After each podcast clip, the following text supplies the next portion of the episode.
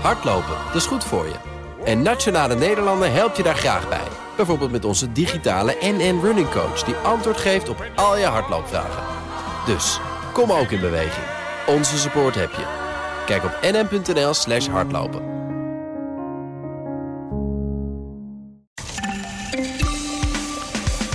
Lekker spontaan. Ja, lekker spontaan. Hè? Ja. En hier scheiden onze wegen. Onze wegen scheiden hier. ja, 1 april was dat, vorig jaar om deze tijd. En nu op, dit, eh, op deze 1 april is het eh, buiten ontzettend koud. Dan ligt heel Amsterdam onder de sneeuw. Dat wil zeggen, onder de blubber inmiddels. Hoe is het daar in eh, Den Haag, uh, Lenner? Volop sneeuw. De daken zijn nog helemaal wit. Oké, ja, hier is hier is het modder hoor, grotendeels. Ik heb nog wel een paar ballen gegooid vanochtend. Oké, ja. Eh, kinderen geraakt, neem ik aan. De kinderen. Ja, auto's, voorbijgangers. Oh ja, jij bent verschrikkelijk, ja. ja. De schrik van eh, Amsterdam-Oost. Wie had het gedacht, hè? Eén jaar geleden. De nacht van Rutte. Ja, Dat alles was zou, vannacht. alles zou anders gaan, toch? Nieuwe cultuur, Ja. nieuwe kansen. Wat zei, wat zei Rutte ook weer? Eh, een nederige premier. Buigen Zoals naar hij, de terug, Kamer. zoals hij terugkwam naar de Kamer. eh, en en eh, nadat eh, eh, onze collega Thomas van Groningen achter hem aangerend was. Is dat het moment? Of ben ik nou een beetje... Dat is Dus- zeker het moment. dat is zeker een, het moment, toch? Iconisch moment geworden. Ja, En nu zijn we één jaar verder. En in wat voor een blubber zijn we belanden, beland met z'n allen. ja, het gaat gewoon door. Ja. Het wordt steeds erger. Vorig jaar op 1 april hadden we toch wel gedacht dat we er een jaar later heel anders voor zouden staan. Die vaccinatiecampagne was toen net begonnen, moest op stoom gaan komen. We dachten, als we allemaal gevaccineerd zijn, dan is corona voorbij. Dan kan de wereld weer verder gaan. De economie? Een- de economie zou weer verder kunnen Ja, gaan. We zouden bloeien. een ander kabinet zouden we krijgen. Nieuw elan, nieuw leiderschap. elan, nieuw bestuurscultuur. Een jaar later zitten we met een kabinet met, een, met dezelfde partijen. Die hem tot meerdere malen hebben verteld, gezegd toen de tijd, dat ze niet met elkaar in een kabinet wilden. Onze En- wegen scheiden hier. Ja. Precies, Kaag tijdens dat debat. Maar we hebben natuurlijk ook nog Segers gezien. Die zei na dat debat dat hij niet verder wilde met eh, Mark Rutte. En toch zijn we een jaar later met precies dezelfde partijen in het kabinet. En staat, is er een nieuwe crisis. En een acute gascrisis wel. Vandaag kopt het FD in Europa door de roebelijs. Mag ik er even tussendoor verrommelen dat we hier in het Nieuwsroom Den Haag zitten... en dat in eh, de studio hier eh, Sophie van Leeuwen bij mij zit... en in het Hol van de Leeuw daar in Den Haag zit eh, jij, Leendert, Beekman...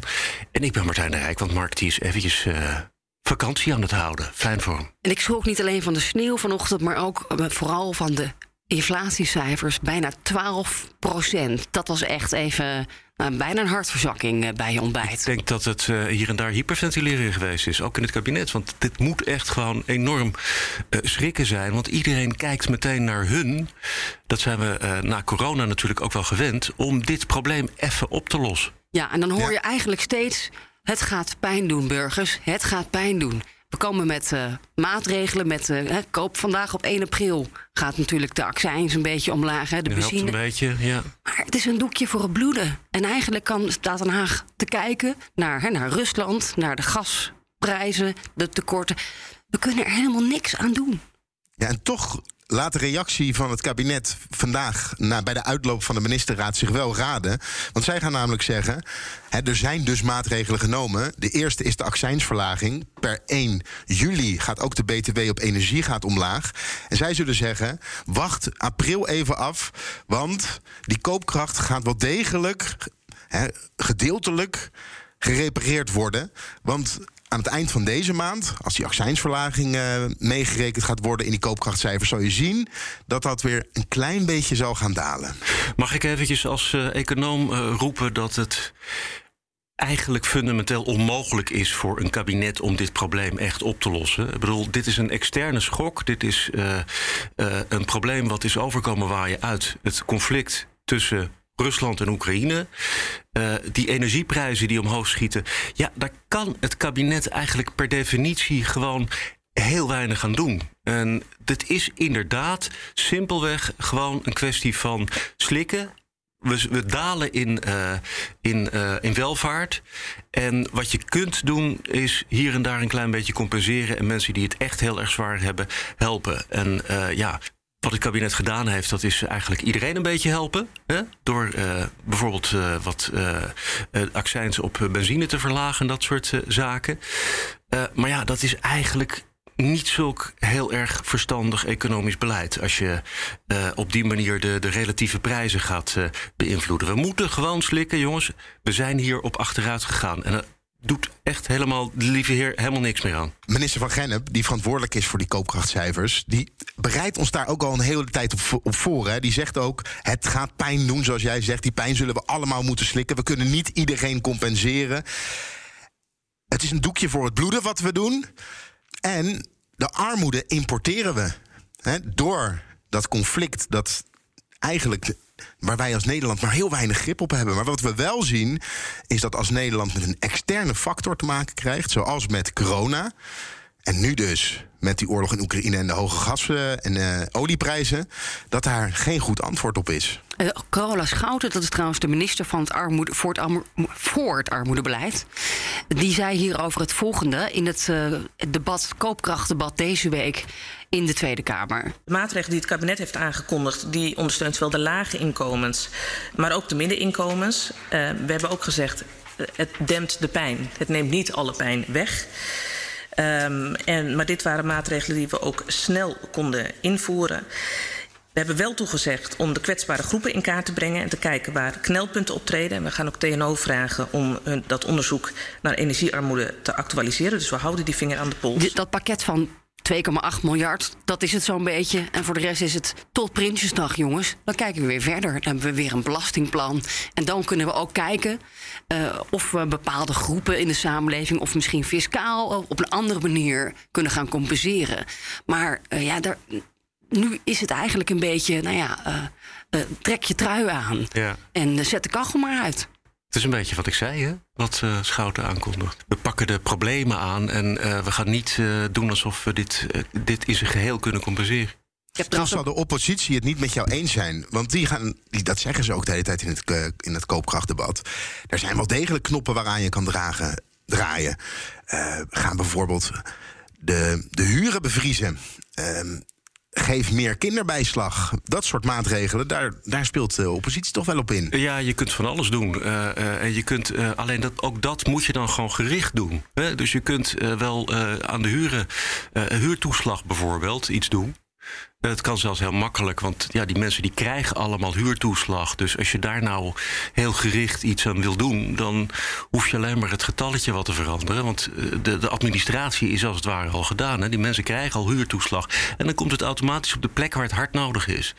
Uh, de rest van Nederland, jammer jongens, we zijn in welvaart erop achteruit gegaan. Zullen wij eventjes uh, overgaan naar het grote bezoek het hoge bezoek dat wij eh, gisteren hadden, of dat jullie gisteren hadden daar in Den Haag in de Tweede Kamer. Ik heb Zelensky uh, live vertaald op de radio vanuit het Oekraïens. Maar uh, even eerlijk, vanuit, er was ondertiteling op het beeldscherm, dus ik kon gewoon meelezen. Het was echt een heel ja, bijzonder moment. historisch nooit eerder gezien dat een, een president een staatshoofd in de plenaire zaal ja, het Nederlands parlement toespreekt. Meneer Zelensky van Oekraïne, ik geef u het woord. Het is een eer om hier te zijn. En ja, gezien de omstandigheden hè, dat we hier met elkaar moeten zijn... maar dat ik als eerste staatshoofd in uh, jullie plenaire zaal mag spreken.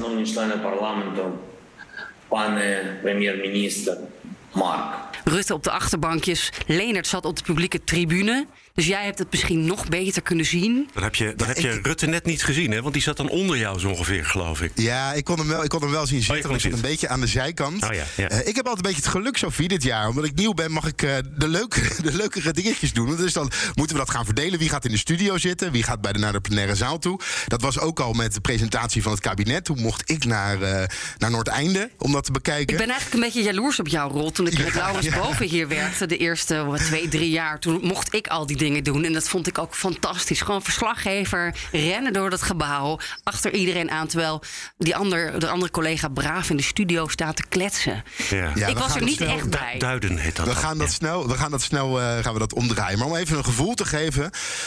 Uh, van de sfeer in de Kamer. Ik kwam hier binnen via de Statenhal. de, de, de publieksingangen eigenlijk. En er was al best wel veel publiek om naar die toespraak van Zelensky te komen luisteren. Gewoon geïnteresseerden. Maar die konden niet naar de publieke tribune voor toe. Want in de Statenhal waren grote schermen neergezet, allemaal stoeltjes. En ik, als, hè, als je dus een rijkspas hebt, mocht ik wel de roltrap op naar boven. En beneden bij de roltrap stonden er al wat bezoekers te klagen. Zo van ja, ik ben naar Den Haag gekomen. Om dit, ik wil dat ook echt in die plenaire zaal zien. Maar ja, het antwoord was uh, helaas, sorry, dat is voor de pers gereserveerd. U moet hier plaatsnemen op een stoeltje en naar het scherm gaan kijken. En dus de publieke al... tribune zat wel bomvol. Want volgens mij was de hele nationale pers uitgerukt. Dus niet alleen de Haagse journalisten, maar ook andere media. Uh, om toch op die tribune te kunnen zien. Uh, te kijken naar de man in het legergroene t-shirt. Ja, en er zat ook buitenlandse pers. Uh, dat was ook wel leuk. Dat zie je niet zo vaak in, uh, in hier in Den Haag. Dat uh, de buitenlandse pers ook daadwerkelijk in het Kamergebouw is. En dan neem je plaats. En het duurde wat langer dan eigenlijk de bedoeling was. Dan ga je zitten. En er was nog een, een soundcheck met een medewerker van Zelensky. Victor, it will take two minutes. Okay, we're waiting. Thank you. Yes, everything is all right. Yeah. Okay, We nice. can see it. Thank you. Nice, thank you. Victor was, was, dat. Dat heb ik ook meegekregen, ja. Ja, ja precies. Ja. En uh, langzaam stroomt die kamer vol. En dan komt ook de ambassadeur van Oekraïne komt binnen. Nou, dan komt iedereen gaat er naartoe, handje geven. Die, die nam plaats achter in de zaal met Rutte, Hoekstra en Ollongren. Waarom zij achter in de zaal zaten, ja, daar kan, daar kan heel veel van gemaakt worden. Ik zag bij VI vandaag dat het een beetje was van. Uh, dus, de, de, de, ministers moesten achterin, alsof ze op het strafbankje zaten. Dat was helemaal niet het geval. Dat scherm stond gewoon tegen vak aan. En als je in vak dus het vak waar de ministers zitten, als je daar was gaan zitten, dan moest je echt je nek verdraaien om naar het scherm te kijken. Dus de reden dat ze achterin zaten was omdat daar gewoon plek was om naar te zitten. En dan was er ook nog zoiets. In eerste instantie waren ze niet uitgenodigd. Nou, Vera Bergkamp. Het was gewoon, ik had daar nog even een gesprek over met uh, uh, Pieter Omzicht. Uh, voordat Zelensky ging spreken. Staatsrechtelijk gezien kon de Kamer het kabinet helemaal niet weren. Want het is gewoon een openbare plenaire vergadering. En daar mag, daar mag het kabinet gewoon, er mogen leden van het kabinet gewoon bij zijn. Ja, maar dus dan hadden ze misschien ook... in, in, de, in de gang bij die stoeltjes moeten zitten. Zeg maar op de video uh, moeten kijken met de andere bezoekers. nee, ze, ze zijn te gast in de Tweede Kamer, dus ze mochten, daar, ja. ze mochten daarbij Ja, ik zijn. vond dat echt een beetje een onzindiscussie. Want wie is hier nou aan het onderhandelen over sancties? Hè? Dat is wel Rutte en Hoekstra en misschien Kaag. Dus dat lijkt me nogal nuttig als die mensen daar ook gewoon in de zaal nou, nog los van het feit dat Zelensky uh, tenminste drie keer gewoon Rutte bij naam genoemd heeft en hem ook echt persoonlijk heeft aangesproken. Друже Марк, що від вас, від вашої держави, наш вступ в Євросоюз дуже, дуже залежить. Jij moet leveren, meneer. Mark, stop ja, die Mark. handel. Mark, ja. wapens. Ja, zeker. Maar wat dus... Sophie zegt is wel belangrijk. Van, uh, het, het, is het kabinet dat in Europa en bij de NAVO. Het zijn dus onze ministers die daar de gesprekken voeren. En daar staat de Kamer. Op, bij veel onderwerpen staan ze buiten spel. Dus dit was even het moment voor de Kamer. Dit was hun momentje met Zelensky. Want Mark Rutte spreekt hem al geregeld. En daardoor wilden ze zichzelf volgens mij net even wat centraler stellen. En hadden ze ook in eerste instantie zoiets van: kabinet, blijf maar weg. Uh, maar dat is dus niet gebeurd. En op een gegeven moment, je, het was een soort klas. Iedereen, je voelde spanning, voelde je in de Tweede Kamer.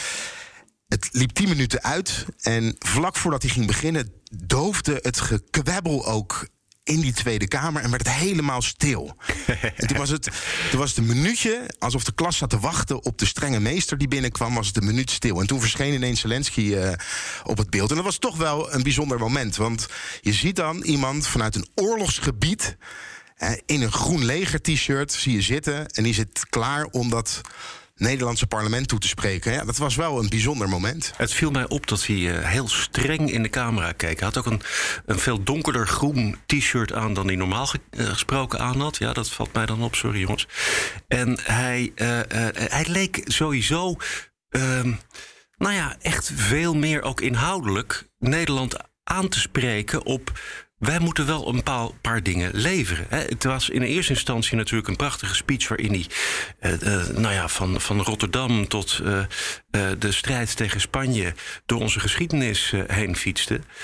en natuurlijk ook MH17 bijpakte. En daarmee eigenlijk zei van jongens, wij zijn één, wij zijn verbonden met elkaar. Want al die dingen die, hebben wij, die maken wij nu mee, die jullie in het verleden hebben meegemaakt. Van bombardementen tot vrijheidsstrijd, tot nou ja, het bloed dat gestroomd is bij uh, MH17. Um, En dat betekent dat jullie aan de beurt zijn. Dat jullie moeten leveren. Dat jullie. En dat waren die momenten waarop uh, Rutte ook echt uh, heel persoonlijk. Dat was wat ons betreft, denk jij ook, Leonard, een beetje een schijnvertoning. Kijk, die wapens, die zullen wel worden geleverd. Dat is trouwens achter de schermen. Wij krijgen niet meer te horen. Ook in verband met, nou ja, Poetin hoeft het niet te weten. Wat er precies naar Oekraïne gaat vanuit Nederland. Maar daar worden wel toezeggingen gedaan achter de schermen. Maar dan ja, de eis of de vraag: stop alle handel met Rusland. Ja, die werd eigenlijk na afloop meteen doodgeslagen door Mark Rutte toen hij de zaal uitliep. De hele pers werd erop af, inclusief Leendert. Ja, uh, alle handel stoppen met Rusland. Rotterdamse haven dicht. Olie, gas.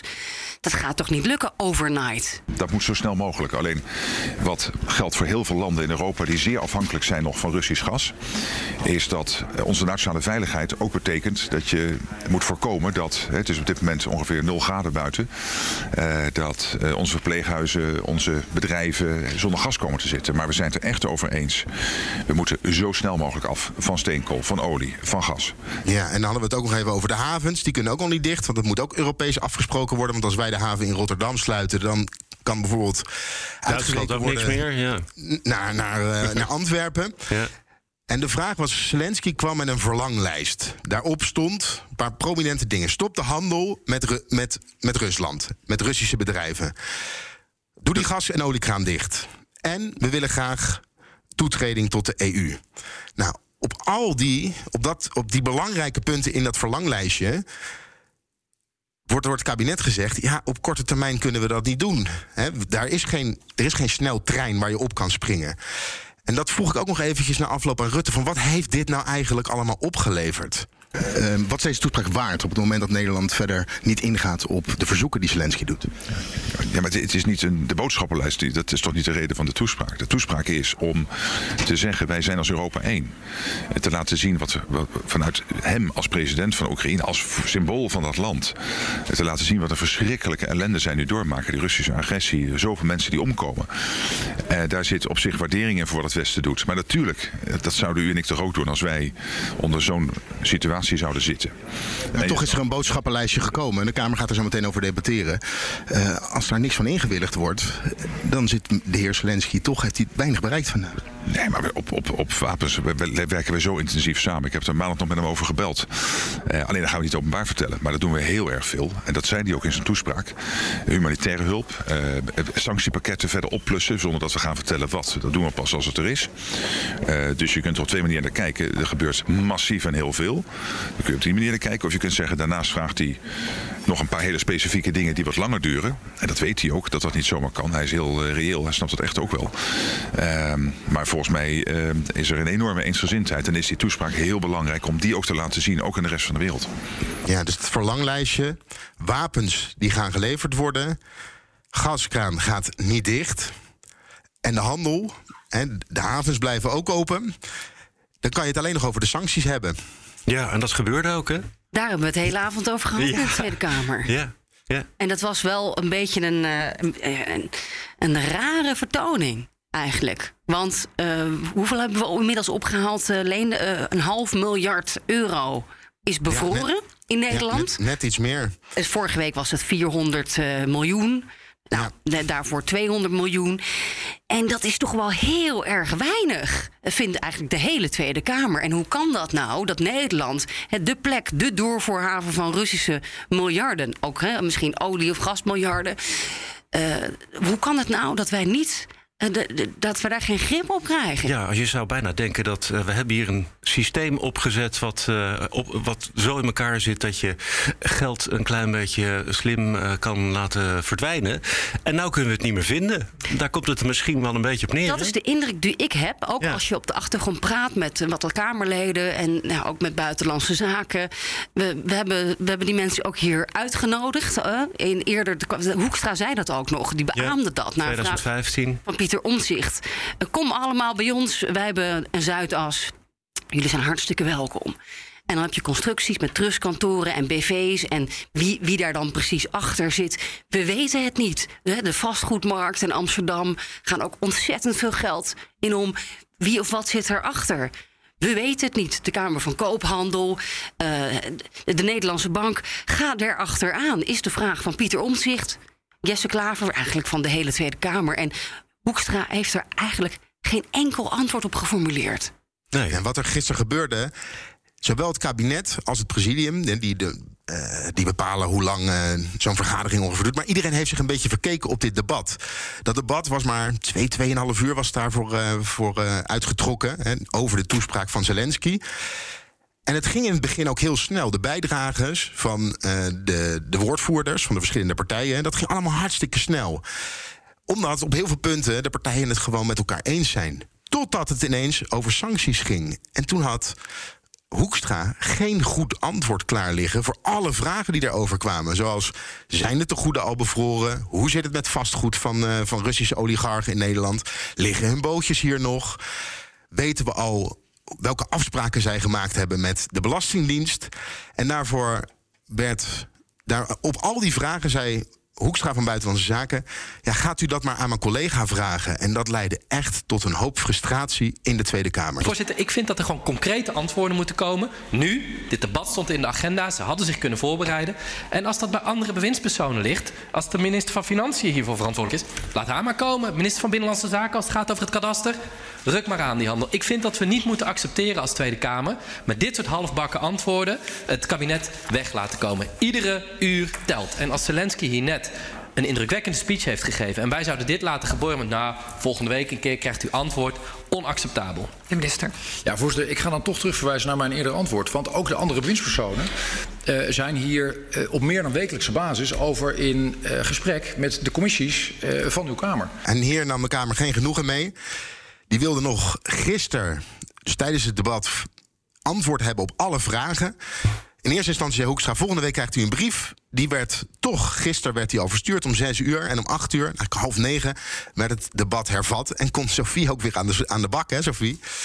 Ja, en wat dan de grote frustratie, of ook wel ja, de irritatie is van de, van de Kamer, is... we hebben al, nou hoe lang is die oorlog al bezig? Al meer dan een maand. Ja, 34 dagen of zo werd er uh, gezegd. Dat, uh, ja. dat, dat, uh... We hebben echt meteen gevraagd, ja. zet u alles in gang. Ga, zorg dat je dus die sancties gaat uitvoeren. Het maakt ons niet uit hoe in vertrouwen. Uh, ga aan de bak, minister Hoekstra.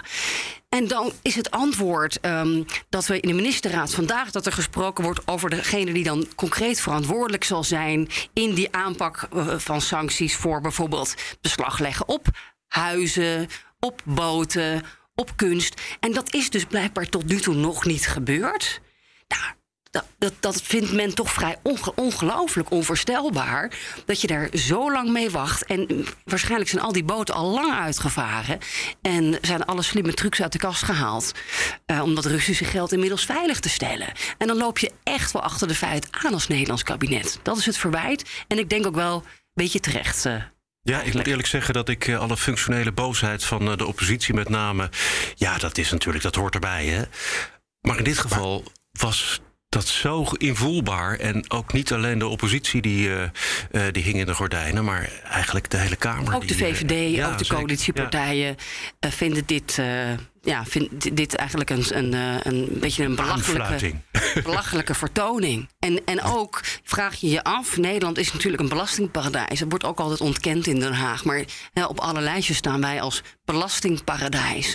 Ja, probeert iemand hier iets te, te voorkomen, te verhullen? Zit daar, is, er, is er opzet in het spel? Daar, daar wordt men natuurlijk een beetje achterdochtig van. Wat, is hier nou eigenlijk aan de hand? Uh, ja, ik weet het niet. Het is een beetje speculeren. Maar um, hier gaat heel veel over worden gedebatteerd de komende weken. Gisteren tijdens het uh, tussen de debatten, want er was een kleine pauze, ben ik even begonnen aan het boek Siewert Miljoenen. En, oh, Siewert.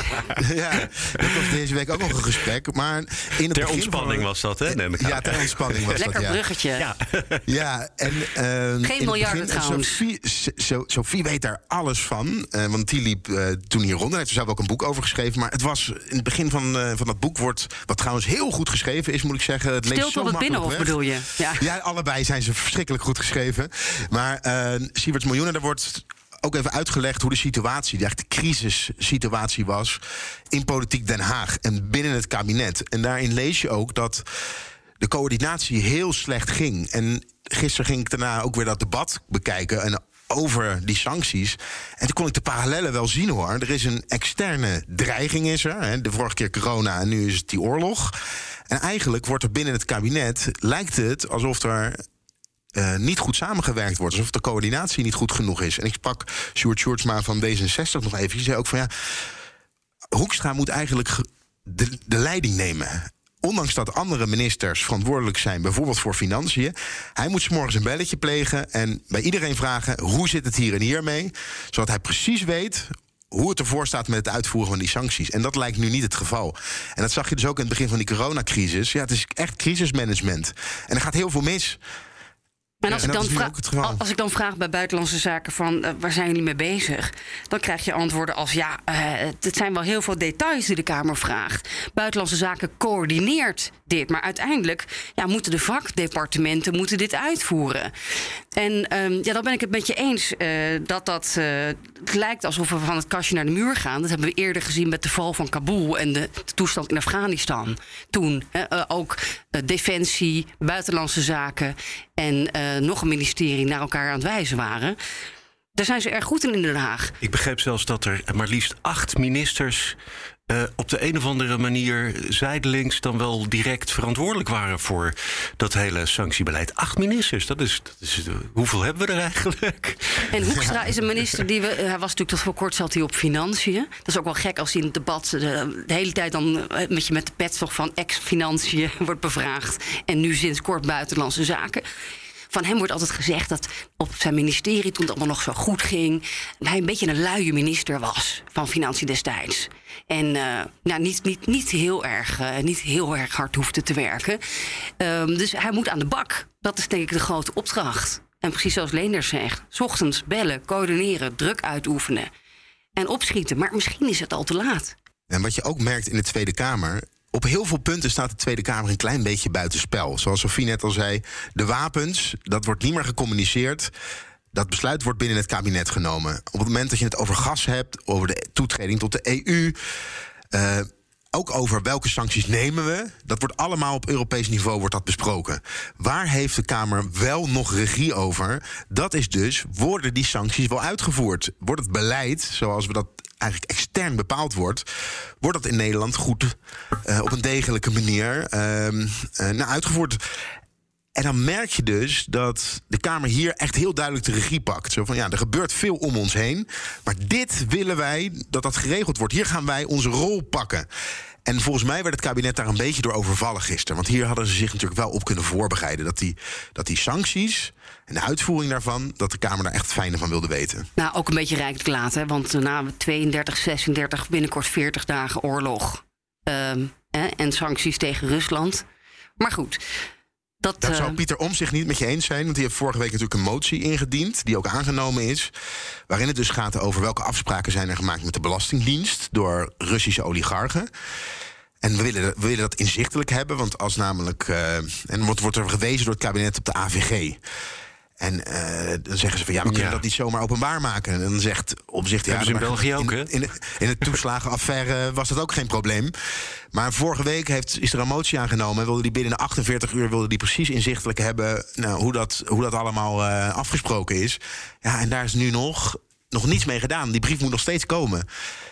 En daar is dan wel echt, ja, zeker bij een Kamerlid zoals Opzicht, die daar bovenop zit, ja, de woede was groot. Is dit nou, uh, jongens, het, uh, het grote verschil met de coronacrisis?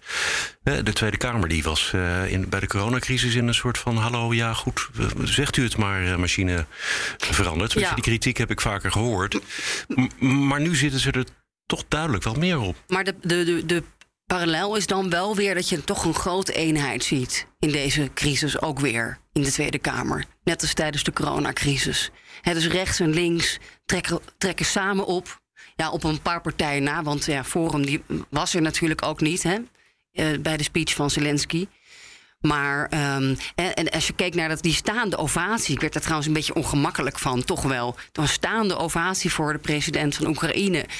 Uh, gele jurken. Dus iedereen uh, doet daar aan mee. En dus dat, die parallel zie ik wel met de coronacrisis. Maar dat, dat ze meer bijten, dat is, hebben we dan in een, een jaar na onze wegen, wegen scheiden hier uh, wel, eh, nou, dat zijn we dan wel opgeschoten. Maar ja, wat bereik je ermee? Ja, wat ik zie, de, de Kamer is eensgezind. Uh, zelfs in de kritiek over de sancties. En dan vind ik het wel goed om te zien over het bijten van de Kamer... dat zowel oppositie als coalitie er wel vol in gaan. Want dat gebeurde namelijk gisteren wel. Dus als je het dan over nieuwe bestuurscultuur hebt... en over de controlerende taak van de Tweede Kamer... dan was dat, ook al is het rijkelijk laat... was dat gisteren wel duidelijk te zien.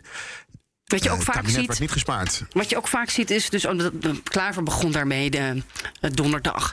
eh, dreigen dus om de minister te gijzelen. Het debat stil te leggen. We stoppen er nu mee. Kom nu met die papieren. Eh, of haal alle ministers erbij. Dus eh, ja, een soort bijna gijzeling van minister Hoekstra. En dat, dat daar ook een brede eenheid eigenlijk is. Hè? Dus in de Kamer om, eh, om het keihard te gaan spelen. En nu willen we een nieuwe brief. Nu willen we de antwoorden. Maar ja, uiteindelijk wa- waren die er donderdag nog steeds niet. Ik weet niet hoe jij het ervaren hebt, Sophie. Ik ben echt helemaal niks opgeschoten met het debat na negenen. Nee, ik zat met je tanden knarsend te kijken. Dus ehm, Ik heb het ook meegepikt en ik dacht om tien uur van jongens, eh, wat rust. ja, een beetje moedeloos. Maar ehm, ja, en, en vervolgens ehm, ja, moeten we dan misschien toch maar naar het bruggetje van wat je al eerder maakte van Siewert en, en Hugo de Jonge. Want eh, daar krijgen we ook nog een debat over volgende week, toch? Eh, volgende week dinsdag over de mondkapjesdeal. Met, niet met Hugo de Jonge trouwens. Nee, dinsdag is het nog niet het debat. Dinsdag wordt eerst de Kamer krijgt een technische briefing over de mondkapjesdeal door Deloitte, het onderzoeksbureau dat nu bezig is om helemaal uit te zoeken, een rapport te schrijven over hoe dat precies gegaan is. En het heeft allemaal te maken met Hugo de Jonge, eh, zijn rol binnen het bij elkaar brengen van Siewert en het ministerie van VWS om die mondkapjesdeal tot stand te krijgen. Dat, er was een publicatie in de Volkskrant vorige week. Daar reageerde Hugo de Jonge op. De Kamer wilde een feitenrelaas maandagochtend hebben. Die kwam er niet. Vervolgens werd er alsnog om een feitenrelaas gevraagd. Die kwam er weer niet. En toen is er in het vragenuurtje, is er, of nu is er eigenlijk in de, in- in de regeling van werkzaamheden, is er een debat aangevraagd door Adje Kuiken. En dat debat komt er wel, alleen niet met Hugo de Jonge erbij. Eh, hij eh, is namelijk op dit moment niet verantwoordelijk Maar met voor, Connie eh, voor Helder, de- met de Connie nieuwe minister voor medische zorg. Ja, het goed en heb. dan komt er alsnog geen feitenrelaas, maar een technische briefing van Deloitte. Maar wat gaan we daar horen, Leendert? Gaan we daar, gaan, wordt dat de, grote, het, het moment dat, dat nou ja, iedereen weet hoe, hoe het is gegaan? Ja, ik denk dat ze daar gewoon gaan vertellen wat er uit. Precies wat de Volkskrant in dat WOP-verzoek. eh, uit dat WOP-verzoek heeft gekregen. Dus dat ze alsnog een soort van feitenrelaas gaan krijgen. Want verder kan, kunnen zij ook niet vooruitlopen op de conclusies van het rapport. Dus ze kunnen alleen vertellen wat die rol van Hugo de Jonge nou is geweest. Maar dat debat daarna zal toch wel heel raar worden, denk ik hoor. Als degene die er verantwoordelijk voor is er niet is. Ik vroeg Adje Kuiken daar nog even naar. Want ze hebben natuurlijk nu wel een debat gekregen. Maar niet met de minister waarmee ze eigenlijk in gesprek willen gaan. Wel een debat, maar niet met Hugo de Jonge. Is dit nou een overwinning of een nederlaag? Eh, dat is een eerste stap om ervoor te zorgen dat we nu openheid krijgen wat daar precies nu aan be- beïnvloeding heeft plaatsgevonden. Eh, en minister Helder zal onze vragen moeten beantwoorden. Kijk, en als zij dat onvoldoende kan, dan rest maar één ding alsnog eh, minister De Jonge in zijn vorige rol eh, naar de Kamer halen. Immers, het is zijn geheugen, het zijn zijn handelingen, het zijn zijn appjes.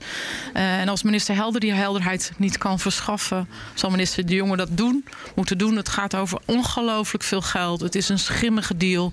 Laten we dingen juist ophelderen in plaats van toedekken en wegstoppen. En dat is wat ik wil. Dus volgende week gaan we de eerste stap daarvoor zetten. Wordt het niet een heel raar debat om met iemand te gaan spreken over appjes die een andere minister in een vorige functie heeft verstuurd? Dat denk ik wel. En daarom was het ook niet mijn keuze.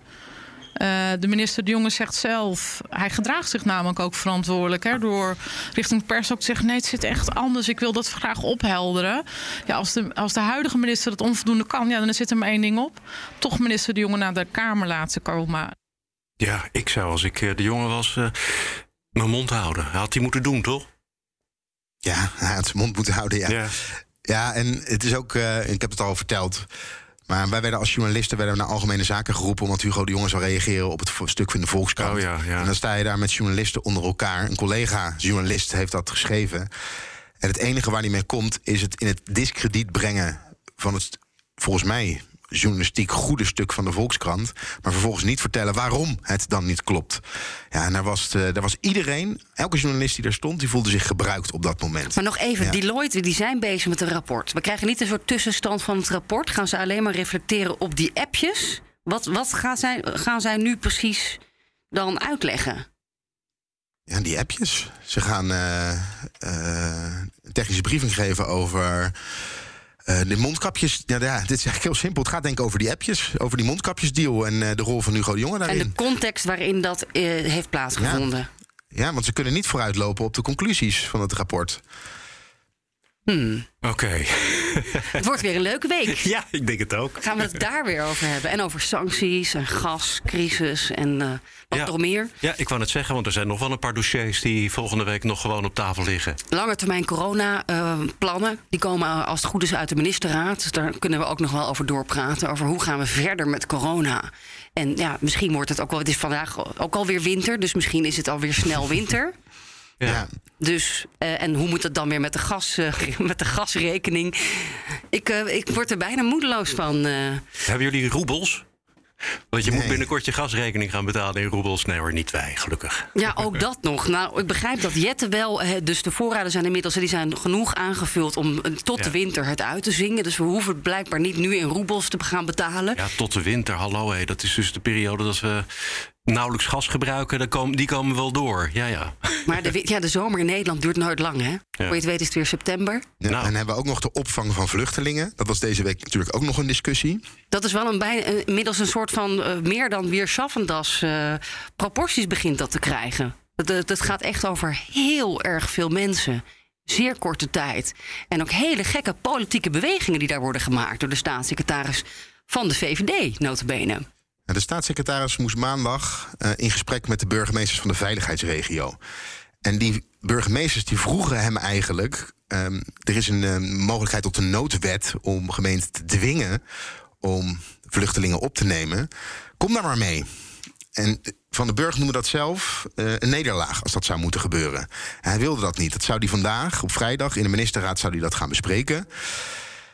Maar een dag later werd toch bekend dat Van den Burg ja, die noodwet eh, in sneltreinvaart gaat maken omdat het kennelijk niet lukt om alle vluchtelingen op te vangen. En hier zit wel een, een, een raar verhaal zit daarin. Want ten eerste, het is om druk te zetten op burgemeesters. Maar de burgemeesters vragen zelf om die noodwet. Maar zijn de dat dezelfde burgemeesters- burgemeesters trouwens? Want eh, ik kan me heel goed voorstellen dat de burgemeesters die eh, al veel vluchtelingen hebben opgenomen, dat die zeggen van zorg nou dat er gedwongen mag worden. En dat die burgemeesters die tot nu toe doken, eh, zeggen van nee, dat mag niet. Dat is precies het geval. Dit zijn de burgemeesters van de, de veiligheidsregio. Over het algemeen van grote gemeenten. En die willen voorkomen dat bepaalde gemeenten die openstaan voor opvang van vluchtelingen. eh, dat allemaal op een bordje krijgen en andere gemeenten kunnen duiken daarvoor. Daarna speelt er nog iets anders op de achtergrond. We hebben, voordat de Oekraïnse vluchtelingen hier naartoe kwamen, hadden we natuurlijk al asielzoekers hier die een status aanvroegen en daarna eh, statushouder werden en dus ergens in de gemeente geplaatst moeten worden. Dat gaat allemaal heel erg moeizaam. En de situatie waar we nu in gekomen zijn, is dat gemeenten best wel Oekraïnse vluchtelingen willen opnemen, maar niet de statushouders, voormalige asielzoekers, die bijvoorbeeld uit Syrië komen. Er staan nog daardoor- uh, meer dan duizend Afghanen ook nog uh, aan het wachten om hier naartoe te Ja. komen vanuit uh, nou ja, hè, de, de regio Kabul. Die, die krijgen we er ook nog bij. En die hebben ook recht op een plekje in Nederland. Ik wou dat zeggen, die uiteindelijk voor een groot deel waarschijnlijk net zoveel rechten hebben als de Oekraïners die nu komen, toch? Ja, het zijn dan dus uh, in, in die zin asielzoekers die recht hebben op een status. Dus dan worden het statushouders. En dan ben je eigenlijk net zo vluchteling, zou je kunnen hè, argumenteren, als een Oekraïner. Ja, maar wat het verschil is tussen iemand uit Oekraïne en in eerste instantie iemand die bijvoorbeeld uit Afghanistan en of Syrië komt. Iemand uit Oekraïne hoeft, is geen asielzoeker en hoeft geen status aan te vragen. Op het moment, daardoor komen ze ook niet in een AZC terecht. Op het moment dat je uit Syrië komt, moet je naar een, naar een AZC, ben je asielzoeker, moet je een status aanvragen. En als je dan een status hebt, met statushouder, moet je geplaatst worden in een gemeente. Maar dat loopt vast. En daardoor, uh, nu zijn we in een situatie gekomen dat gemeenten wel mensen uit Oekraïne willen opvangen, maar niet die statushouders, die voormalige asielzoekers uit bijvoorbeeld Syrië of Af- Afghanistan. Waardoor die AZC's prop en prop vol zitten. Ze komen binnen in Ter Apel. Nou, daar is geen, geen plek meer. Eh, Ze Ja, slapen daar op stoelen. op stoeltjes, ja. ja. Ja, precies. En die, dat moet leeg. Dus eigenlijk moeten nu die voormalige asielzoekers... die moeten ook opgevangen worden. En daar zit het probleem. Ik ga je trouwens nog even corrigeren, want er is volgens mij gisteravond een brief gekomen van Van den Burg. Hè, van JNV, Justitie en Veiligheid. Dat ook de Oekraïners nu eh, wel een asielaanvraag moeten gaan doen. maar een soort uitgeklede versie daarvan. Ah. Om eh, opvang en ondersteuning en misschien hè, ooit wil je een, een uitkering. of ik weet niet, misschien bijstand te kunnen krijgen. Dus eh, ja, ik denk dat de, in die zin wordt de bureaucratische chaos wordt daarmee compleet. maar het is niet zo dat het helemaal vanzelf gaat, ook voor deze groep. Nee. Weer een probleem erbij. Dus dat kon er ook nog wel bij. Dan gaan we het vandaag niet over de woningmarkt hebben. Daar hebben we het al vaak genoeg over in deze podcast. Wat dat dan weer voor gevolgen gaat hebben. Ja, jongens, zullen wij hier een, eh, een einde aan gaan breien? Ja, ik wil nog één dingetje vertellen. Oh, dat mag, ja. Ja, graag. ik was van deze week is er namelijk ook eh, over de grondwet gesproken. Vijf grondwetsartikelen. eh, werd, werd de Kamer voorgelegd. Dat was de grootste verbouwing van de grondwet sinds 1983. En eentje daarvan springt heel erg in het oog. Dat is eh, de algemene bepaling aan de grondwet. Die luidt: De grondwet waarborgt de grondrechten en de democratische rechtsstaat. Die komt voor artikel 1 te staan. Die zou zeggen: Is dit dan nodig? Nou, nergens in de grondwet stond dat we eh, een democratische rechtsstaat staan, dus zijn. Dus daardoor wilde de, Ka- wil de Kamer dit dan toch toevoegen. Vier jaar geleden wa- waren ze daar, bijvoorbeeld het CDA, was daar kritisch op. En nu is de eigen minister van eh, Binnenlandse Zaken degene die dit verdedigt. Die toen woordvoerder was en kritisch was. eh Bruin Slot. Eh, maar nu willen ze er toch in hebben. Dat heeft alles te maken met de toeslagenaffaire. Doordat dat heeft plaatsgevonden, willen ze toch zo'n bepaling in, eh, in de grondwet hebben. We Maar moeten eigenlijk een democratie, nu een echte democratie worden. Ja, zeg je dat ja. eigenlijk?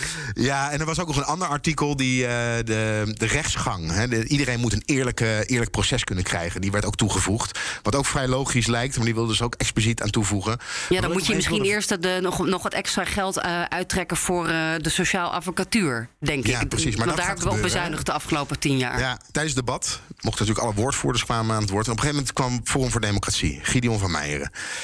Op het moment dat hij op het, bij het spreekgestoelte gaat staan, komt er een klas. En er komen schoolklassen, die worden hier rondgeleid, komt er een klas binnen.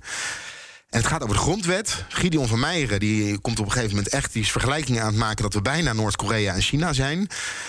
En die klas, die, het enige wat zij gezien hebben van het hele debat is de bijdrage van Gideon van Meijeren. En ging daarna weer weg. En toen dacht ik, jeetje, hé, kom je kijken naar hoe de democratie in Nederland werkt. Neem je plaats als klas op de publieke tribune en krijg je dat voorgeschoteld. Ja, wat dan?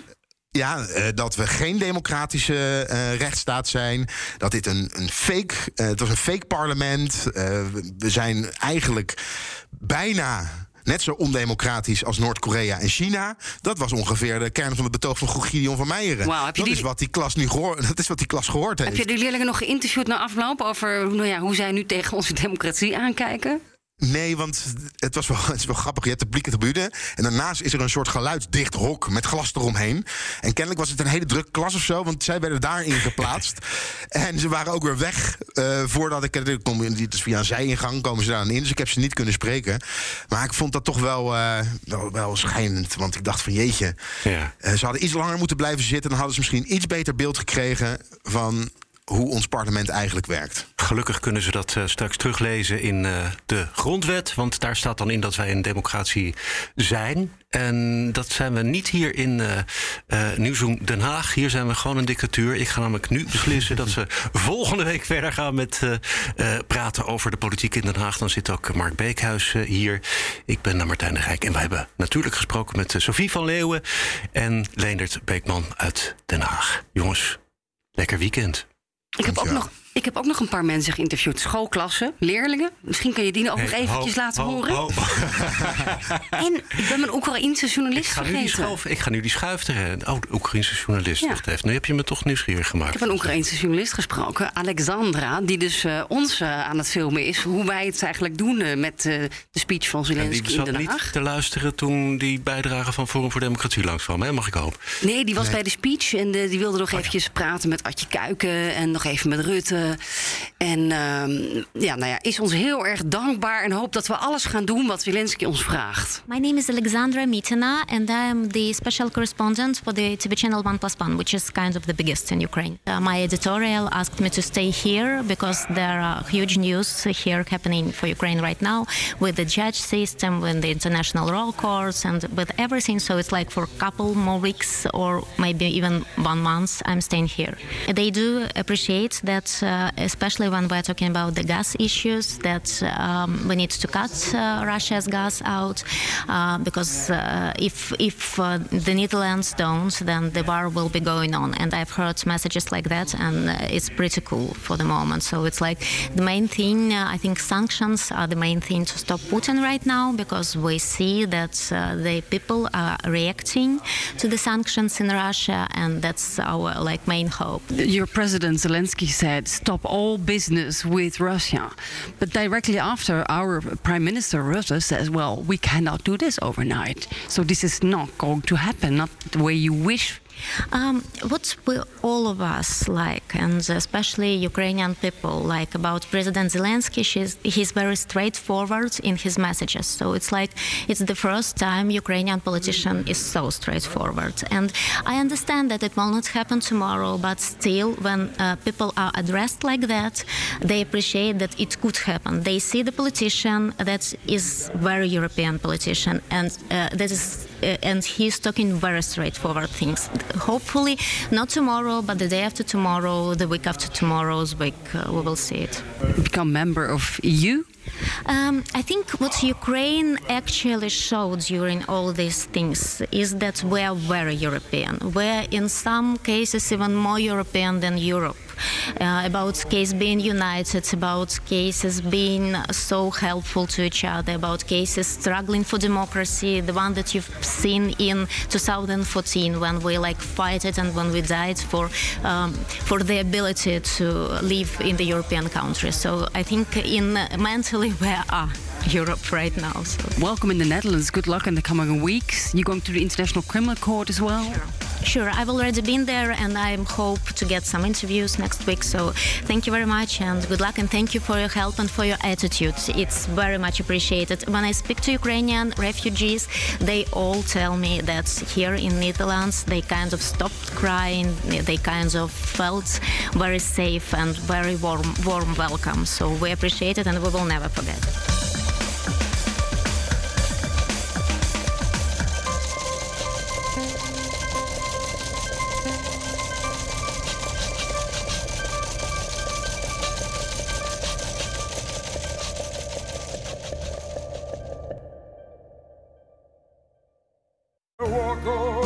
Hardlopen, dat is goed voor je.